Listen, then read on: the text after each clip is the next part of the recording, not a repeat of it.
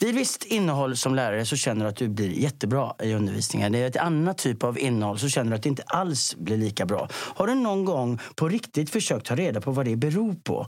Känner du att du har alla redskap för att identifiera hur det kommer sig att det kan se så olika ut? Om inte kommer du under detta avsnitt få höra mer om ett nytt verktyg som tagits fram för att systematiskt kunna kartlägga undervisningsutmaningar. Inger, varför ska man lyssna på det här avsnittet? Jag tycker att man ska lyssna på det här för att undervisningsutmaningar kan vara en guldgruva för det systematiska kvalitetsarbetet och för skolans undervisningsutveckling. Eh, missa för all del inte detta avsnitt.